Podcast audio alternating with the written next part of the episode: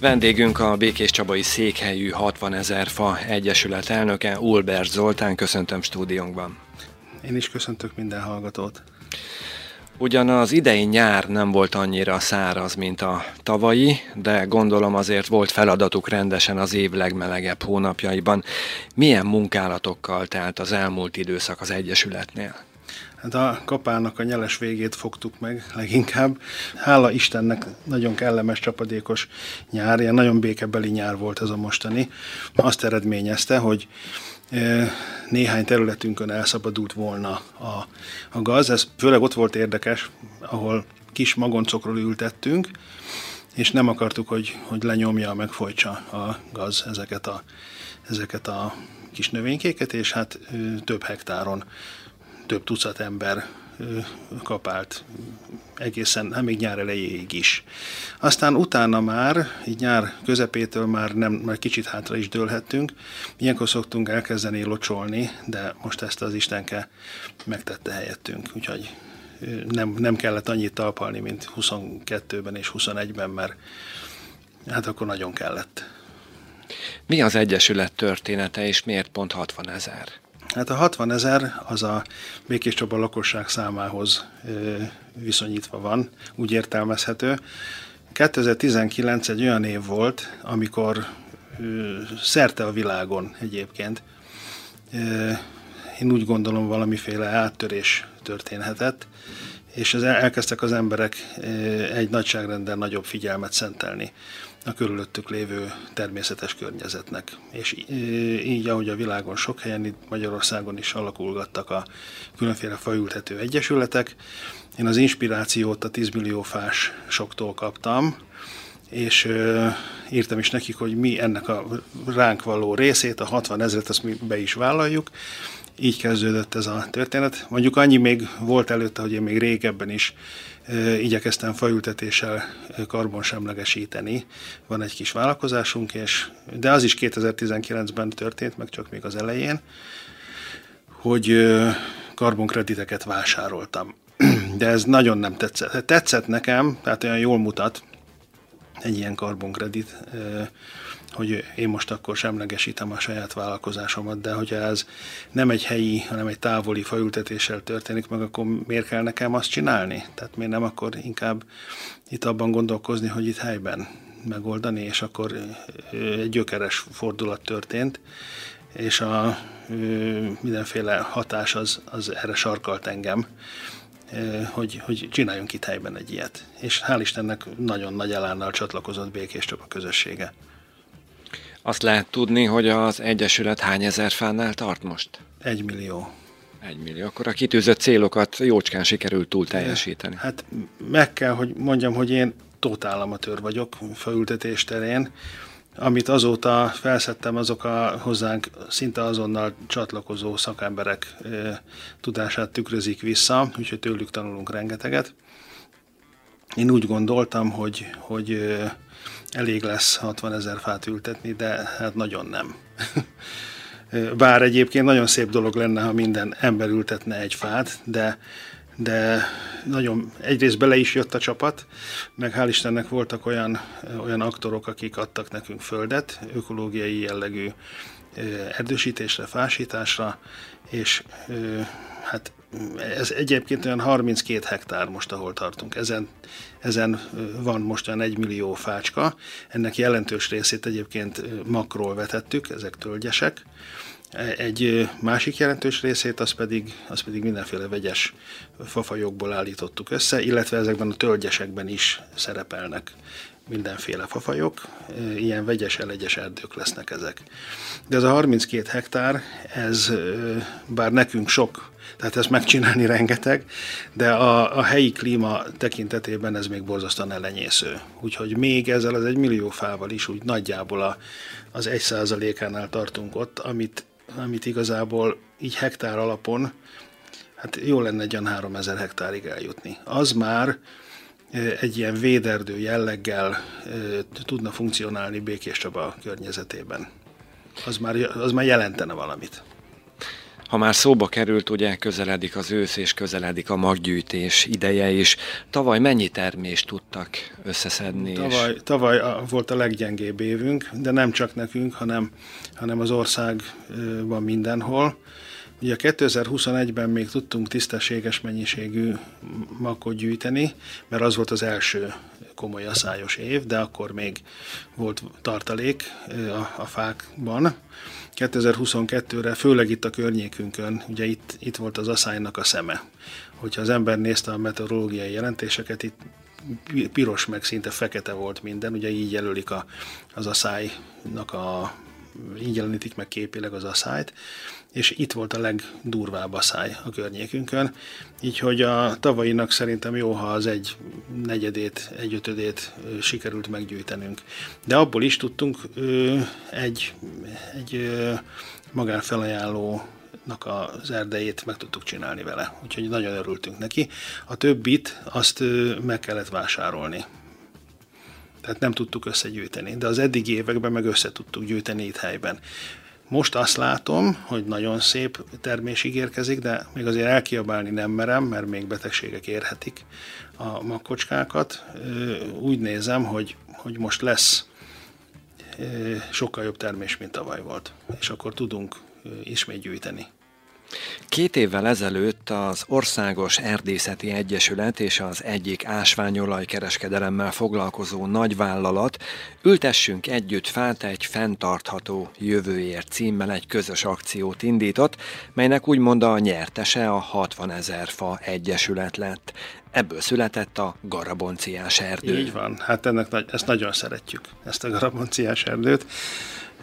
Tényleg így volt, jött egy, egy számunkra is meglepő módon egy, egy információ, hogy bár nem jelentkeztünk erre a pályázatra, nem is tudom, hogy volt-e igazából pályázat, de az, az Országos Erdészeti Egyesület ugye tudtunkon kívül, ugye scrollozta azokat a faültető közösségi egyesületeket, akik, akik, akiket ő, ő támogatna. Látja, hogy oda teszik magukat, látja, hogy szakmailag is rendben vannak, meg, meg aktívak, és így lettünk mi. És akkor egyszer csak jött egy telefon, hogy, hogy kapunk 2 millió forintot, de ezt nem magánterületen, hanem valamilyen közterületen használjuk el fásításra. És akkor így született meg a garabonciás erdő, amire én szerintem elsőként a hogy is mondjam, a Békés Csaba történetében, lehet, hogy az egész ország történetében is kaptunk mi, mint egyesület, egy ilyen hármas szerződés alapján a Dalárd, az állam, meg a 60 ezer fa, egy olyan területet, amit mi fásíthatunk természetesen mindenféle szakmai előírás alapján, és ezt augusztusban nyertük meg ezt a pályázatot, novemberben már kezdtünk ültetni. Most már vannak olyan fák, amik a két métert is meghaladják ebben az erdőcskében. Itt kevés volt a magvetés, itt főleg mindenféle őshonos fafajokat ültettünk kézzel, és hadd dicsérjem meg az összes gyereket, aki kijött velünk, mert rengetegen, több százan jöttek, illetve az őket inspiráló pedagógusokat, úgyhogy ezt tényleg a garabonciások ültették nagy részt. Mi meg segítettünk nekik persze. Ön hogyan került kapcsolatba a természetvédelemmel, mikor kezdődött mindez? Egészen kiskoromban. Mi, a mi családunk egy természetjáró család. Már nem is tudom, eszemet se tudom mikor, de már három éves koromban ösvényeken, patakokon kellett gázolnunk. Ugye szüleim vittek bennünket itt Magyarországon, meg Szlovákiába a hegyeket mászni. Tehát rengeteg érzelmi kötődésem volt mindig is a, a természethez. Ez nem szakadt meg egyáltalán. Tehát a, ahogy aztán növekedtünk, ugye a, a feleségem, a gyerekeink mind-mind teljesen megszállott természetjárókká váltunk. Bújtuk a bakony rengetegeit, illetve itt a környéken is több ezer kilométer szám rójuk a, a szerintem nagyon szép körösvölgyi, körösvidéki kis élőhelyeket, és, és ez természetesen együtt jár azzal, hogy az ember máshogy gondol a természetre. Nem ilyen feltétlenül ilyen exotikumként, ahol, ahol mit tudom én évente vagy pár évente egyszer-egyszer előfordulunk, és akkor rácsodálkozunk, hanem, hanem mi majd, hogy nem, hogy úgy érezzük, hogy ez a hétköznapjaink része. És akkor az ember mindenképpen máshogy gondol rá. Akkor, akkor igyekszik fenntartani, igyekszik megőrizni, igyekszik védeni, szinte ösztönösen. Úgyhogy így indult el. Aztán egy másik vonal az pedig, a, amivel foglalkozom, az egy, nem tudom, hogy ezt lehet-e itt mondani, nem fogom reklámozni magunkat, de ez egy biobolt, és ugye az ökológiai, ellenőrzött ökológiai gazdálkodás is részben természetvédelem. Tehát igazából ebben élek már nagyon régóta. De ilyen aktívan, hát ez most az ötödik év, ilyen aktívan nagyjából öt éve, négy és fél éve kezdtem ezzel foglalkozni. Emlékszik még, hogy milyen volt az a fa, melyet elsőként ültetett? Húha, ez augusztusban történt, emlékszem persze, ez egy, ez egy hársfa volt, Hát ennek az a története, hogy meg, megkerestek bennünket az akkori garabonciás napok szervezői, a Kádár Kende meg a Vidó Zsuzsi, és, és az ő kezdeményezésükre volt, akkor kilencen indultak a garabonciás napokon, kilenc középiskola, és mind a kilenc együtt ültettünk fákat, hársfákat. Ezek most is megvannak a cserkésztéren, és a legelsőnek neve is van, úgy hívják, hogy Helga. Tehát ő, ő az a fa, akire hát azóta is sokszor járok arra nézeketem, jól van, köszöni szépen a társaival együtt, és ha jól emlékszem, én szerintem ez volt az első fa, amit így, így ültetünk így ezzel a közösséggel. Térségünk Békés vármegye Magyarország legkisebb erdősültséggel rendelkező régiója. Ez a tény ön szerint mikor változhat meg? Ez szerintem így fog maradni. Mert itt más prioritások is vannak, meg eleve a, a, a története a tájunknak se olyan, hogy itt sűrű egybefüggő erdők lettek volna. Míg a Dunántúlon ez teljesen más, hogy nézett ki még régebben is. Itt a, az ősi időkben is leginkább ez, a, ez a, az erdős tyep, ligetes erdős, vizes, foltos táj volt, tehát nem volt akkora nagy erdő borítottság soha, mint, mint, mint máshol, mondjuk tőlünk nyugatabbra vagy északabbra, de az biztos, hogy ez az alig 5% ez rettentően kevés de nem fogunk tudni felzárkózni mondjuk egy 30-40 százalék erdőborítottságú mondjuk Dél-Dunántúli vagy, vagy Északi megyéhez.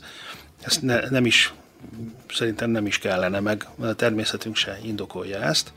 Viszont azt a ligetes, erdős, ilyen kis mozaikos tájat, azt szeretnénk visszahozni ide. És rettentő sok erdőt kell még ehhez is ültetni. Hát csak ahhoz, hogy a 10%-ot elérjük, kellene még egyszer annyi erdőt ültetni, mint ami most van, az pedig több tízezer hektár. Nem is az a három ezer, amiről én beszéltem, hanem több tízezer hektár. Ugye a globális felmelegedés hatására térségünk éghajlata is változik szépen lassan. Melyek azok a növény és fafajok, melyek valószínűleg el fognak tűnni az elkövetkezendő időszakokban?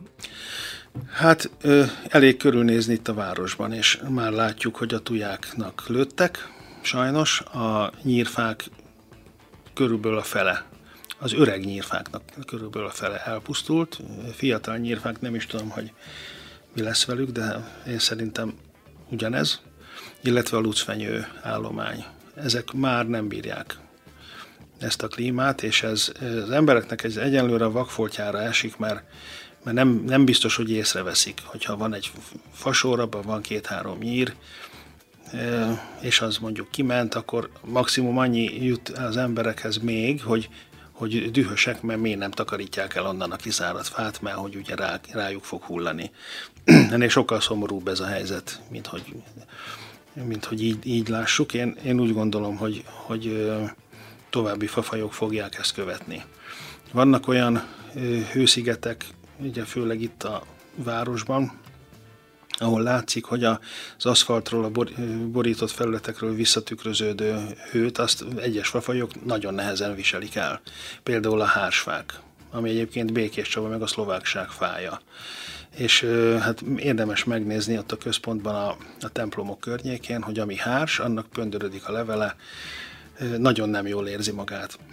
Kint a határban még talán jobban, de a városi léte a, a hársfáknak az is egyre rosszabb lesz szegényeknek. Úgyhogy hát ezt azzal lehetne talán csökkenteni, hogy, hogy a leborított felületeket valahogy átszőni mégiscsak valamilyen zölddel, hogy ez a, ez a hatalmas nagy hősziget ez, ez ne, ne sérítse annyira meg őket. És én, ne, én nem vagyok ebben szakember, ugye az elején már mondtam, de, de én nem csodálkoznék, ha egyre több fafaj sínylené meg ezt az időjárásváltozást, ezzel szegényítve a helyi biodiverzitást. Ugye nem is olyan régen volt egy lezárásokkal teli covidos időszak, amikor mindenki négy fal közé kényszerült. Ezt az Egyesület hogyan élte meg? Munkával. Így, mivel az emberek valahogy mégiscsak össze akartak kapaszkodni, és ugye nem nagyon lehetett zárt térrel megtenni, mi ezt megtettük kint a, a tájban. Ugye megfelelő módon, de egyáltalán nem álltunk meg. Tehát szabadban lehetett dolgozni, nagyon nagy volt a lendület, és hát hoztuk létre az erdőket, építettük kilométer hosszon a kerítéseket, vetettük a rengeteg vetnivalót, az erdészeti szakmunkálatokat elkezdtük megtanulni, elegyítettünk, meg, meg rengeteg munkát végeztünk, illetve Mondjuk a Covid alatt nem, de amint lehetett, akkor elindultak ezek a úgymond érzékenyítések. Én nem tudom már, hogy hány, de szerintem tucatnál több, vagy talán már két tucatnyi iskolában jártunk. És nagyon szeretjük elmondani a gyerekeknek, mert ők értik. Talán ők, ők talán jobban is, mint a felnőttek, hogy miről van szó. Ugye az Egyesület nem működhetne eredményesen, jól képzett szakemberek nélkül, kik alkotják a csapat gerincét? Hát a, ahogy ez, ez a kis egyesület elindult, akkor még nem is voltunk egyesület, hanem csak egy ilyen Facebookos csapat. Már mindjárt e, jöttek szakemberek, Frankó Robert, erdőmérnök, Polyák Pál, élőhely specialista, és egyébként pedig gyümölcsfás gazda, tehát nagyon bennem az egész családja régóta a természetet járja mindenféle módon, és Durai Balázs, ő pedig tájgeográfus. És, és ők azonnal jelentkeztek. Tehát meg, megkerestek, és, és már is össze tudtunk kapaszkodni és hát rengeteg helyi természetvédő, meg, meg még több civil, aki tényleg szinte soha nem csinált ilyeneket, már jöttek is. De a csapat szakmai gerincét igazából ez a három ember alkotja. Én civil vagyok, illetve vannak terepi koordinátoraink, akik szintén civilek, de ők is nagyon érzékenyek a környezeti témák iránt, és hát nagyon válvetve tényleg tűzön vizen át csináljuk ezt az egészet. Ez egy nagyon kemény fizikai munka, ami egyébként nagyon kemény csapat összekovácsolás is eredményez, hál' Istennek. Azt lehet tudni, hogy az önkéntesekkel együtt a 60 ezer fa egyesület mekkora csapatot alkot? Több rétege van ennek, mint a hagymának. Ugye van egy, egy ilyen, ilyen ötös csapat, ez a felsorolt három ember, illetve a, a feleségem meg én, mi nagyon sokat beszélünk, beszélgetünk.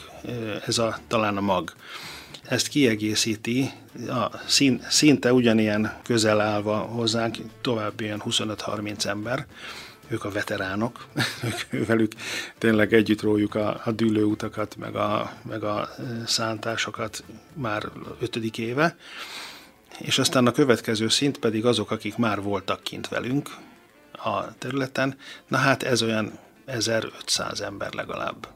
Ebből rengeteg iskolás, de rengeteg nyugdíjas, kisebb, nagyobb gyerekek, középkorúak, tényleg nagyon vegyes a csapat. Mindenki tud segíteni valamivel.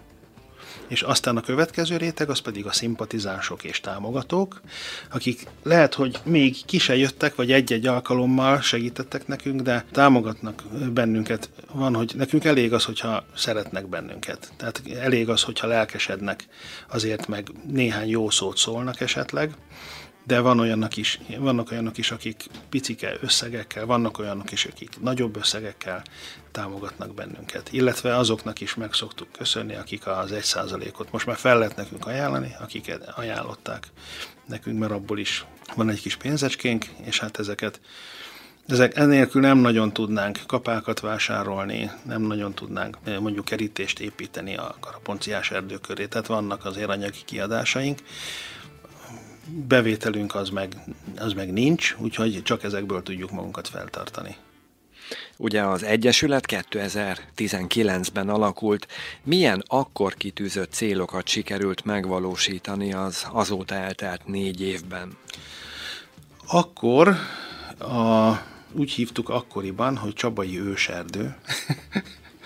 ez meg is jelent akkoriban több portálon, de, de egyébként tényleg az, mert ezek őshonos fafajokból álló ökológiai jellegű kis erdőcskék. Tehát, hogy e, ez ugye, ugyan nem magától alakult ki, mint egy őserdő, de szeretnénk azt, azt valahogy imitálni, ezt a történetet. Hát ebből azt is mondhatnánk, hogy köszönjük szépen, meg vagyunk, de, de nem vagyunk meg ezzel se. Tehát ez túl kevés ez a, ez a terület ahhoz, hogy, ahhoz, hogy számottevő, vagy egyáltalán érzékelhető hatást fejtsen ki. Ezt akkoriban nem, nem voltunk ezzel tisztában, hogy mégis hová, hová kell eljutni.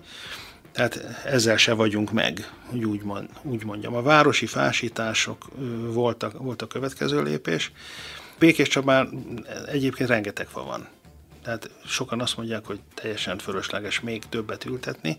Mi azért ültettünk rengeteget pontosan a hősziget hatás mérséklése miatt, illetve folyamatosan csökken Békés Csaba lombkorona borítottsága.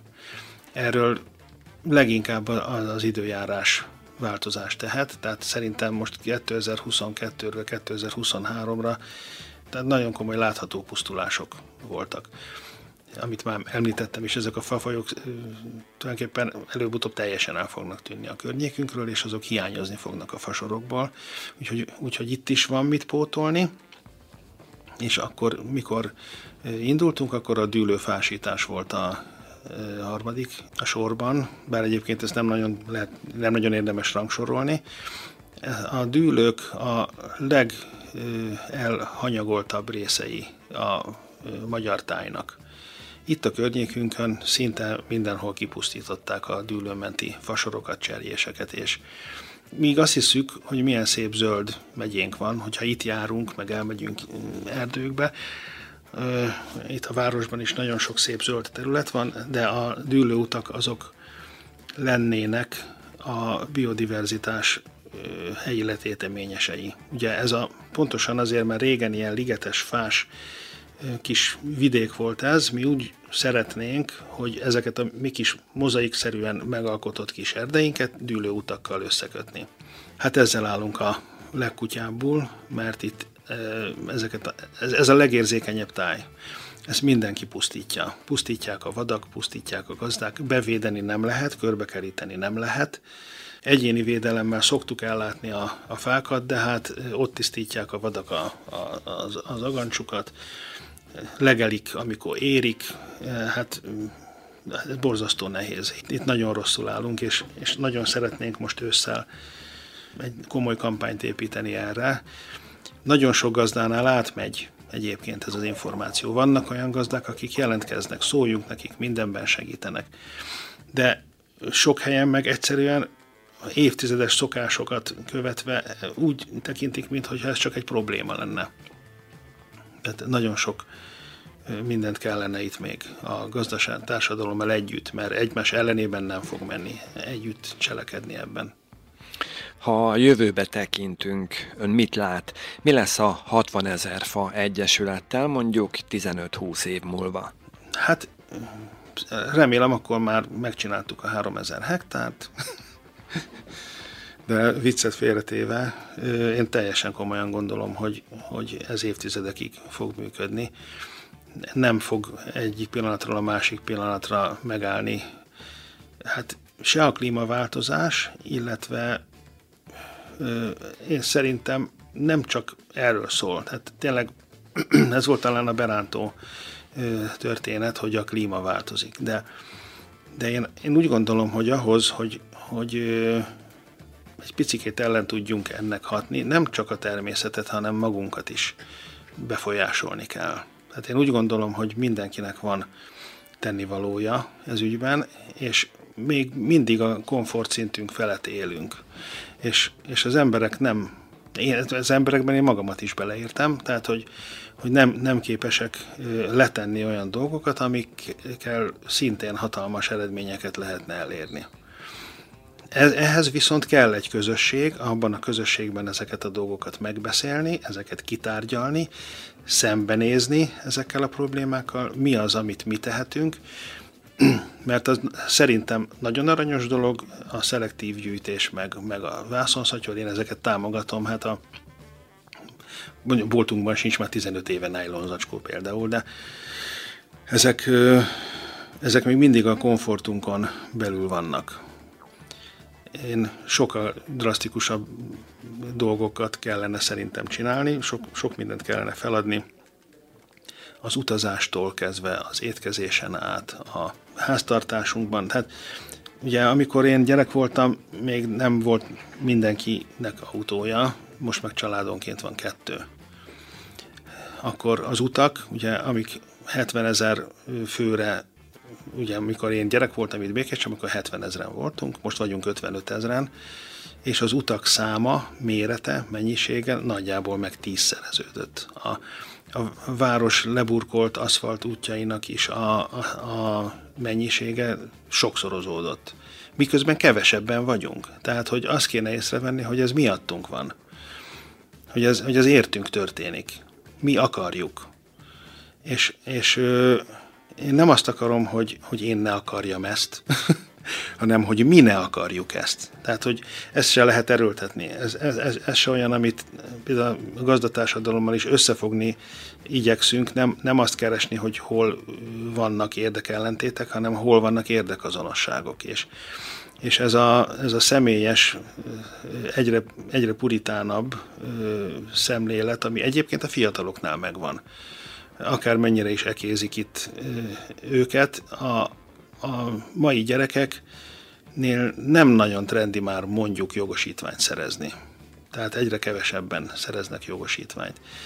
Egyre kevesebben, kevesebbet költenek ruhára, sokkal egyszerűbbek, sokkal egyszerűbben élnek, mint, mint mondjuk az ő náluk idősebb generációk. Nem flancolnak annyira. Persze itt is én általános trendeket mondok, nem, nem személyre szabottakat, mert azért itt is vannak természetesen kivételek. Míg a mi generációnk meg mind, úgy viselkedik, mintha olyan nagyon komoly dolgok nem történtek volna. Hát ezért üdítő dolog a fiatalabb generációkkal domálni, mert nekik nem kell ezeket mondani, ők így csinálják már.